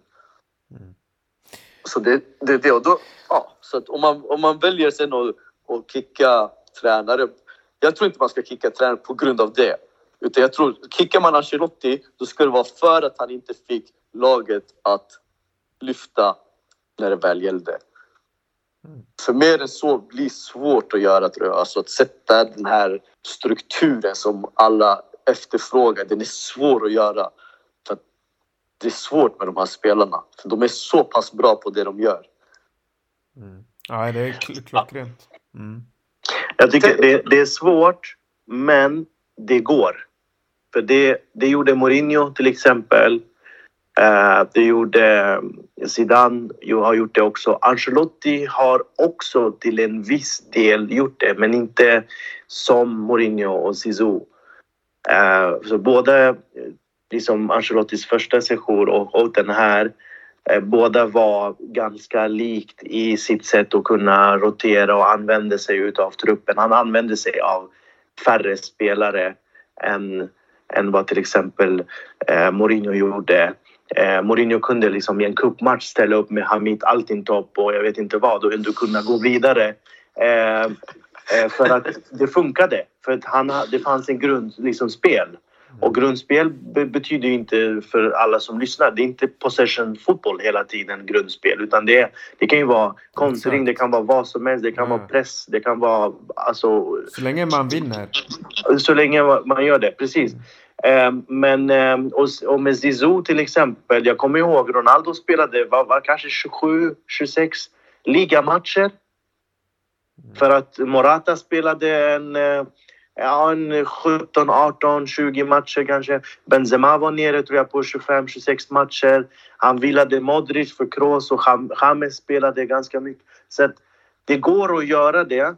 Men det krävs, det krävs tid, det krävs engagemang, det krävs verkligen att man eh, eh orkar göra det. Sisu i sin tredje säsong med Hakimi och Theo Hernandez och Ceballos och Marcos Llorente och så vidare gjorde absolut inte det.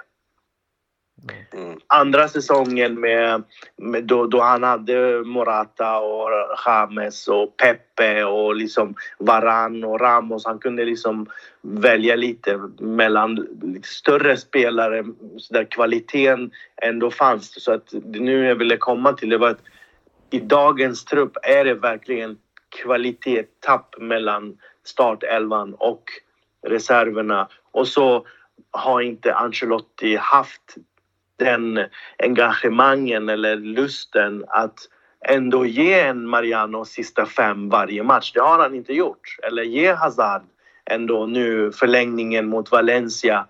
Ge honom eh, 10-15 minuter. Nej, han har inte haft lusten att göra det. Och det har ju sina anledningar säkerligen. Men eh, det brister lite i Real Madrid och för att gå absolut tillbaka till den här dilemmat varför vi inte kan slåss om ligaspel år efter år. Och att Real vinner ett par liga och så har man ett par säsonger där man gör mellan liksom resultat och så vidare. Men oftast går bra i Champions League. Det är ju på grund av att eh, truppen byggs inte tillräckligt bra och, och, och oftast de tränarna som har funnits Eh, bortsett från Mourinho och bortsett från Zidane eh, så har man inte prioriterat hela truppen helt och hållet. Av vilken anledning? Ja, det är lite oklart, men vad vi ser så är inte Mariano en Real Madrid-spelare. Men jag vågar inte säga. Hur hade han varit under en tränare som har den strukturen, som ger dem chansen, som Ge dem det självförtroende och det finns ett grundspel där de här spelarna kan luta sig mot. Där Mondi som inte har en bra dag ändå kan gå tillbaks och veta att vänta nu, i mitt grundspel, jag slår för fan inte den där passningen centralt. Den bollen ska alltid framåt eller den ska alltid till spelare B eller vad, hur de resonerar. Men i och med att det inte finns, ja men då är det lite Aisha Paral, det är lite frihet, frifräseri, du vet, man gör lite som man vill men mannen, du, är, du är inte på den nivån för att kunna göra det. Så att, mm. samma sak med Rudiger. Alltså ärligt talat, vi kan ju gå in på Villarreal och Valencia-matchen nu. Jag tyckte det var en intressant diskussion men eh, man, man ser ju där också, de darrar ju lite när de får bollen eh, vid fötterna som en, en, en mitt, mittback vet inte precis var bollen ska gå. Var ska jag slå den? Titta mot Kroos. Ja, men Kroos är markerad. Vad gör jag då? Ja, men då sjunger jag iväg den. Så att, vissa saker önskar man ju. Sen för mig, när Real väl tickar igång.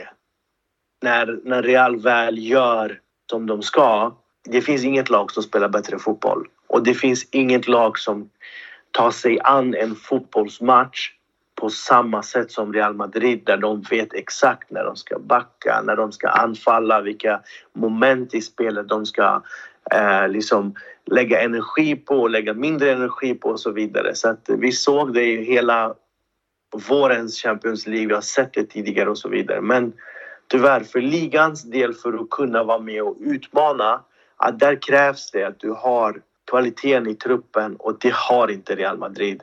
Och, och, och, och, det är verkligen någonting som behöver tittas på. Sen på tränarfronten, ja då får man ju tänka vad är det för typ av spelare man tar in? Som sagt, Real har ju sin egen modell. Real Madrid DNA måste alltid finnas med. Vilken tränare har den i sig? Är det, det är bara Zidane där ute. Det är Raúl. Men han är oprövad på, på ett sätt. Så att, jag har eh, hört att det finns en svensk tränare någonstans också som är kontraktlös just nu. exakt, exakt. Han kan tala spanska också. Ja, exakt. Exakt fördel. Ja. Och fotbollen har ju utan tvekan, det har ju förändrats. Alltså det har ju gått över till ett spel där fysik, dynamik, eh, intensitet, snabbhet, alltså det, det är det som är väldigt viktiga och ligger till grund för dagens fotbollsspelare. Eh, men samtidigt så vilket, vilket lag än man möter, du var inne på det där med VM, vilka, vilka lag, det kan ju vara Copa del Rey-match mot division 2. De här spelarna som har fysiken, intensiteten, snabbheten och så vidare, de har ju också det tekniska, det taktiska liksom som grundpelare i sitt spel. Dagens defensiva mittfältare är Rodri, det är inte en Gravesen längre. Så det har ju förändrats. Det är ju liksom annorlunda. Vi pratar om Toni Kroos som eh, också tar för sig i det fysiska som vi inte har sett tidigare och det gör honom mer komplett. Eh, och det gör att han kan anpassa sig till dagens fotboll. Eh, så att eh, vilka spelare Real tar in efter de här två för att tyvärr, det är ju så att de här två, tre spelarna, Modric, Kroos, Benzema, de närmar sig slutet. Så att Real måste börja på en ny cirkel. Och, och, och det är inte lätt. Det är inte lätt, men lyckas man få in en trupp där du har en likvärdig i alla fall eh, spelare som, som reserv på samma position kanske inte behöver vara lika stor namn men kvaliteten eller spelsättet eller spelartypen är densamma. Tittar vi på City till exempel, du har Walker och sen har du Cancelo. Det är liksom det är så likt som det kan bara bli. Det är två spelare som har mycket fart och så vidare. och så vidare. Visserligen Cancelo bättre med bollen och så men Eh, så är det. Så har man Haaland och så har du också eh, Alvarez som, som en tvåa bakom honom. Så det, det är genomtänkt. Liverpool värvar ju och då två spelare på samma position. Barca har ju storsatsat nu där du ett tag hade, du hade Lewandowski och du hade Aubameyang som en, en tvåa. Du har till exempel eh, Dembele men du har också Rafinha. Så kanske inte de två bästa yttrarna i världen men det är två likvärdiga. Det är inte att det är Dembele och sen kommer det in någon Lucas Vasquez. Uh. Nej, så det, det, så det ska vara likvärdigt, uh, mm. tänker jag. Och där kvaliteten inte sjunker på samma nivå så som du gör i Real. du gör det drastiskt för att så fort de här inte är med så nu igår mot Valencia, man märker första halvlek, Real kan inte ta tag i kontrollen av matchen. Aj fan Modric, kom igen nu, värm upp, du måste in. Alltså det, det, behöver inte, det får inte bli så. Mm. Ja. Nej, alltså det, jag, jag, tycker, jag tycker det är en väldigt intressant eh, diskussion för att det blir väldigt klart för mig här när vi snackar grabbar att det känns, för, för mig i alla fall, jag tycker att det, det känns tydligt vad, eh, varför vi har det svårt i ligan. Och det är mycket det här som vi har sagt nu att det är liksom att vi förlitar oss mycket på vissa spelare och det är svårt för dem att leverera match efter match efter match och sen men sen har man ju, sen är det ju det där dilemmat att, ja, att nu har de fått så pass mycket frihet och då blir det svårt kanske att ta den ifrån dem. Mm. Men sen är ju truppen, den är ju, den är ju ett skämt alltså. En som, alltså, ja, alltså det, jag, jag vill inte säga namnen på vissa Om, spelare eh, som sitter på bänken. Alltså det är ja, men de är helt sant. katastrofala. Jag tänkte grabbar, innan vi avrundar. Eh, sista frågan här, Marcos. Skönt att du tog upp det, för vi skulle prata lite om truppen om du fick nu eh, välja en eh, position att förstärka nu, nu, nu i januari, vilken hade du eh, liksom eh, sagt att det här måste man göra nu för att det ska liksom, ja, för att det ska bli utan, bättre? Utan tvekan. Det står, det står och väger mellan två positioner och mm. jag tror alla som följer Real vet vilka positioner jag menar. Eh, det är ju Eller i och för sig, jag tycker höger ytter... Det, vi klarar oss där med Rodrigo och Valverde. De, de klarar av det där. Mm. Eh, men jag tycker forward. Alltså Benzema, Ballon d'Or i all ära. Vi, vi, har, vi blir matade med den där jävla Ballon d'Oren varje dag på hans Instagram. Eh, världens bästa forward och allting. Men Hey, spelar många matcher. kommer du Så- ihåg när ni tvingade på mig den där Benzema-tröjan i, i Madrisa TV? Men alltså, vet du, varje gång jag hyllar Benzema, jag tänker på dig Bergar, vet du? Du vet alltså jag lovar dig, varenda gång jag ser honom, alltså jag tänker på Bergar, Bergar. Jag tänker på den där lilla gubben vi hade framför oss, den lilla ah. Förlåt att jag avbröt dig, men den, den var jag tvungen att lägga in. Det- alltså för, kanske vi ska kanske ta upp det för lyssnarna. Ja. Eh, det var ju en tid, en gång i tiden, när Benzema inte var så uppskattad i Real. Och jag bland annat då var en av dem som kanske kritiserade honom hårdast. Men Bergar, du trodde på honom hela vägen. Så att eh, det, Ja. man kan säga att det är din spelare Bergar. Men eh, som svar till... Det är absolut min gubbe. Det är absolut min gubbe. Nej men som svar till Merres fråga, jag skulle säga en, en forward som liksom eh, som eh, som, ja, som är, alltså Mariano är inte eh, realklass. Eh, Nej. oavsett, alltså, oavsett, han är inte där. Så att eh, han är ju bara kvar för att han vägrade lämna i somras. Mm. Eh, så att eh, en forward skulle jag vilja se. Sen tycker jag som, om jag bara Mm. Ja, jag bara kan säga lite kort. Jag tycker vi, våra målvakter är världens bästa målvakter. Alltså, jag tycker Courtois är vår bästa spelare Ja. i truppen. Japp. Han är liksom, om- man ska ratea alla med stjärnor eller vad man nu gör på Fifa. Han han har högst stjärnor av alla i hela truppen. Så jag förstår att han blev lite irriterad över att han inte fick den där jävla Ballon d'Or. Men eh, han är bäst. Backlinjen tycker jag är okej. Ytterbackarna, skämt. Vi har Alaba som är i världsklass vänsterback men, men han spelar ju inte så mycket vänsterback. Eh, sen resten är ju bara skämt eh, som ytterbackar. Eh, sen mittfältet, som jag har sagt, vi har världens bästa mittfältare men det är lite rörigt. Eh, sen Vinicius, han ska spela så mycket han kan. Självklart han behöver avlastning men där finns ju en Rodrigo, det finns en Hazard. Snälla, vi har Hazard som... Alltså, Vi har Hazard! Alltså vi snackar om Eden Hazard som backup för, eh, för Vinicius som inte ens får komma in i en cupmatch, en förlängning. Alltså det är helt sjukt. Eh, högern, som jag sa, Rodrigo, Valverde, de, de klarar sig där. Så det är just där, att någon som, eh, Mm. när Benzema, till exempel, hade vi mot Villarreal, hade vi haft någon annan? Hade vi, hade vi haft Gerard Moreno till exempel som backup för, för Benzema, då hade vi vunnit den där matchen. Eller ja, någon forward som man kunde ha där. För Benzema hade sina chanser men fokuset var inte där. Mm. Så att, eh, ja, Ja. forward. Bergar, vem säger du?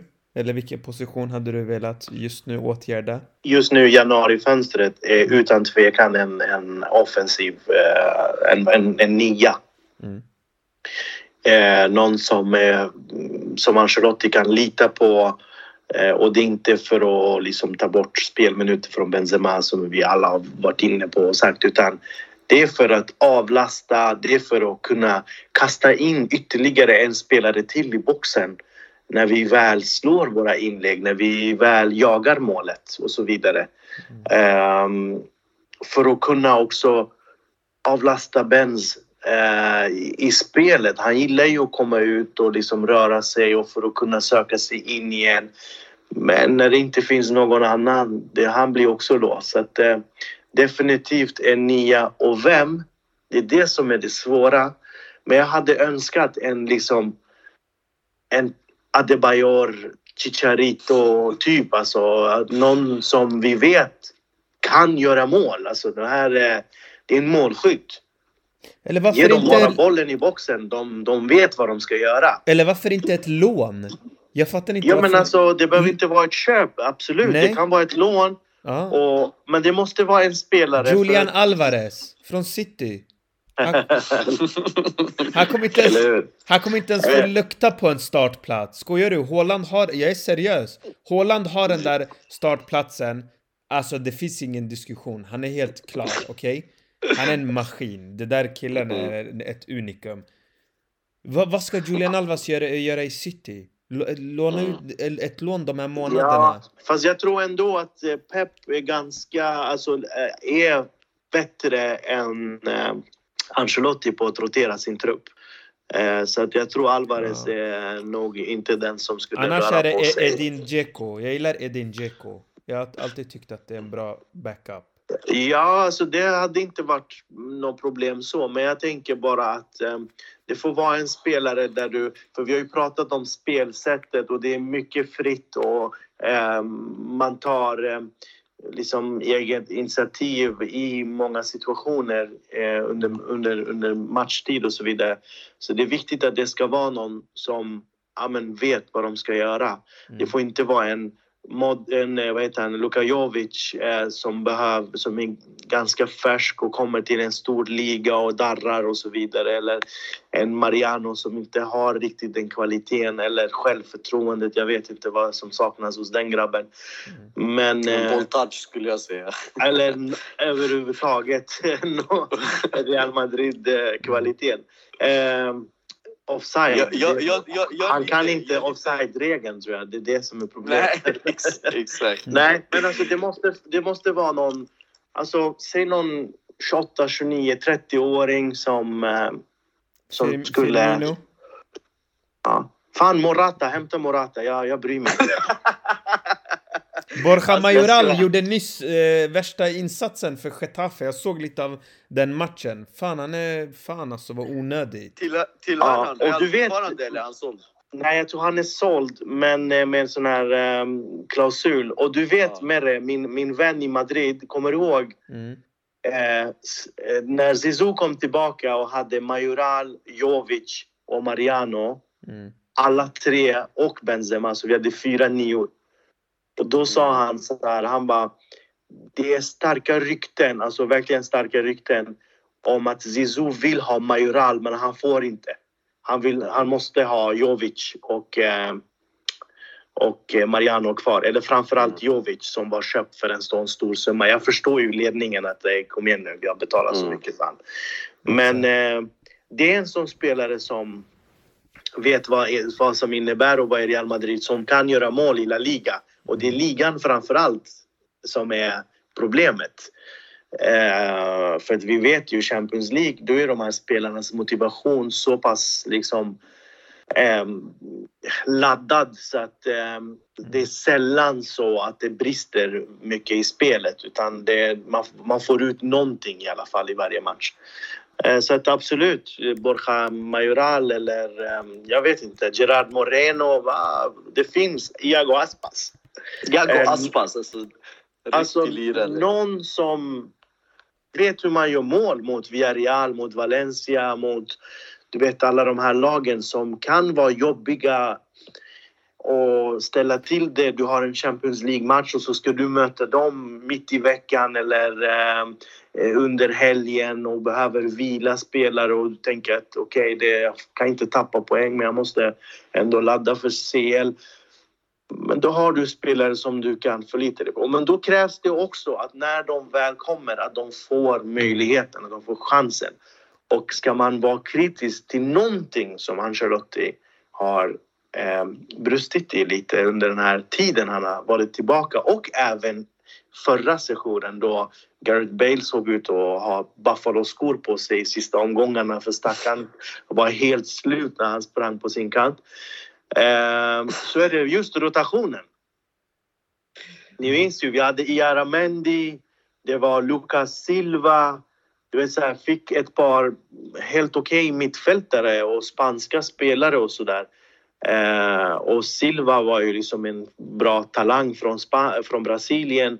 Men de fick inte chansen. Istället så testade han Sergio Ramos som defensiv mittfältare. Jag kommer ihåg mot, mot Juventus i CL-semifinalen och åkte på torsk i första matchen för att kunna ändra det sen till returen och spelade med Isco istället. Och liksom, eh, åkte ut och inte fick det resultatet med sig. Så Mm. han har inte riktigt den här tilliten till 15 till 24. Jag undrar de spelarna.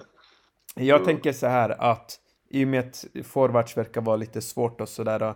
Det jag vill gärna se, det är för det första, varför promo promotar man inte den här Vinicius Tobias? Han kan ju omöjligt vara sämre än Lucas Vasquez som högerback. Det, det, det, jag, jag kan...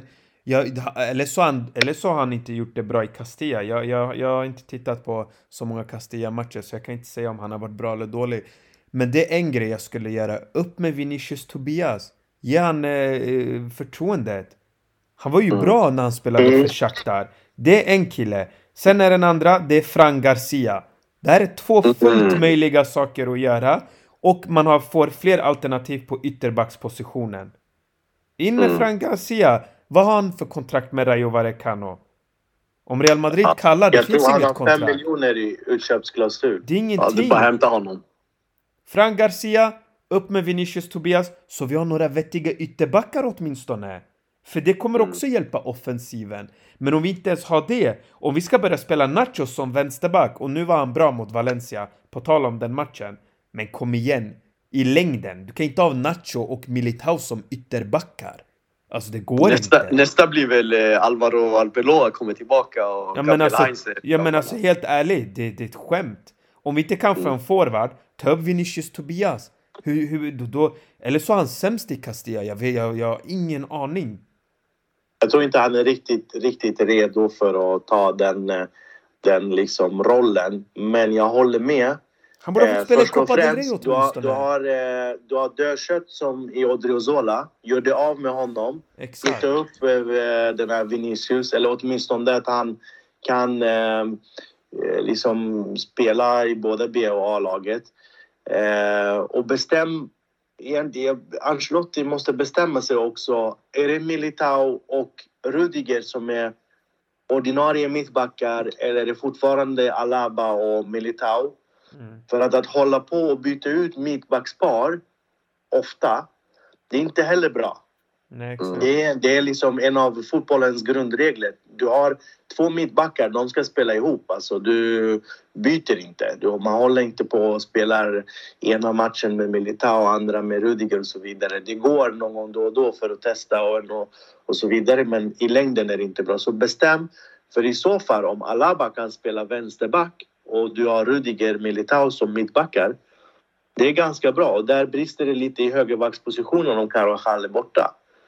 Uh, och har du en uh, ung talang som du ändå ska satsa på, ja, ge honom möjligheten istället för att han kanske inte är bra nu, men han kanske är bra om, om, uh, om två säsonger. Och lite det är ju också kritiken mot Ancelotti. Eh, vi, nu när Zizou var tränare sist innan Ancelotti nu, alltså han flyttade ju upp, eh, vad heter han, Miguel, eh, ba, vad heter han, backen, vänsterbacken. Gonzales, va? Eh, han är i Girona nu. Eh, ja, men i alla fall. Miguel. Eh, Ja. ja, Miguel heter han, eller hur? Ja. Mm. Han flyttade upp honom. Vi hade Antonio Blanco som en mittfältare. Alltså det kom upp lite spelare från eh, B-laget även i stora matcher. Vi spelade ju en Champions League eh, bortamatch mot Atalanta med Hugo Doro som anfallare och liksom. Så att eh, det, och det är just det där brister ju lite i Ancelotti också i, en, i, i matcher där, där vi jagar mål eller vi vill vinna och måste vinna så gör han inte till exempel eh, alla byten. Eller vi har matcher där vi leder med 3-0 men han har fortfarande två byten kvar och där sitter två unga spelare på bänken och ruttnar. Eller eh, åtminstone en Hazard och någon annan. Ge dem möjligheten, ge dem chansen. Det är där det, det brister lite. Och förra året när han väl började växla upp med sina rotationer, det gav ju resultat. Och han säger ju mycket så här, ja, men nu ska Hazard, nu är det hans tur och nu är det dens tur och den ska få mer speltid och så vidare. Men det händer inte. Eh, så att det, han har inte riktigt den tilliten och då behöver ju faktiskt klubben se över de här spelarna för att ja, är de där bara och är stat, stat, statyer eller vad jag det? Ja, så är det ju ingen, så är det ingen, ingen nytta utav, utav dem. Exakt. Och en Fran Garcia, en egen produkt, plocka hem snabbt. Ja, exakt. Det är inga, alltså vad, vad väntar man på? Jag fattar Och vi har inte heller. tappat nog med ytterbackar redan, egna produkter tycker jag. Så att man ska Ja, ta vara exakt. på vad som finns. Och det här VMet gjorde inte saken bättre när man såg Hakimi och Theo Hernandez. Två Exakt. spelare som Real hade under sina vingar för bara ett par säsonger sedan och var Mm. tvungen att sälja Hakimi och inte hade tålamodet med Theo. Eh, så ja, det var inte... Det, var är inte helt sjukt alltså. Jag ser faktiskt, alltså Theo hade ju passat som handen i handsken i det här Real Madrid. Alltså han är ju, han är ju alltså... Tänk vad han och Vinicius hade kunnat göra. Åh, alltså det är läskigt alltså. Det är läskigt. Men det känns som att det borde inte vara omöjligt att få tillbaka honom för Alltså okej, jag gillar ju Milan så det är intressant. De har, inte, de har en rolig trupp. Eh, eller rolig och rolig trupp. Eller, jag tycker att den är rolig men eh, någon dag måste han ju vilja vinna lite större titlar.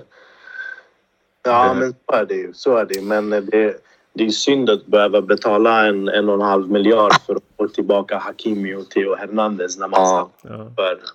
Hörni grabbar, vi måste avrunda där. Vi har eh, faktiskt pratat i en timme och nästan 40, ja drygt 44 minuter, 45 minuter. Det var riktigt trevligt faktiskt och bra snack grabbar. Eh, vi fick med ganska mycket. Eh, vi har pratat om Eh, det som händer just nu och det ska bli kul att följa också nu framöver. Nu kommer ett intensivt schema. Eh, vi får se hur Ancelotti sköter rotationer. Vi får se om Real Madrid hämtar in någon spelare. Vi får se hur det går i Champions League också rätt så snart. Det är ju också inte heller långt ifrån där man möter Liverpool. Det ska också bli kul att se. Eh, och Börjar, tack för att du var med som vanligt. Ja, men tack, tack. Det var jättetrevligt. Och Marco Zito, tack för att du också var med. Ja, tack så mycket. Det var verkligen jättekul att snacka med er igen grabbar och kul att vara med och göra podd igen. Det var jätteroligt faktiskt att vara med. Så Härligt, att, eh, härligt. Det ska bli kul att följa framöver också. Verkligen. Och med de orden så säger vi adios. Adios.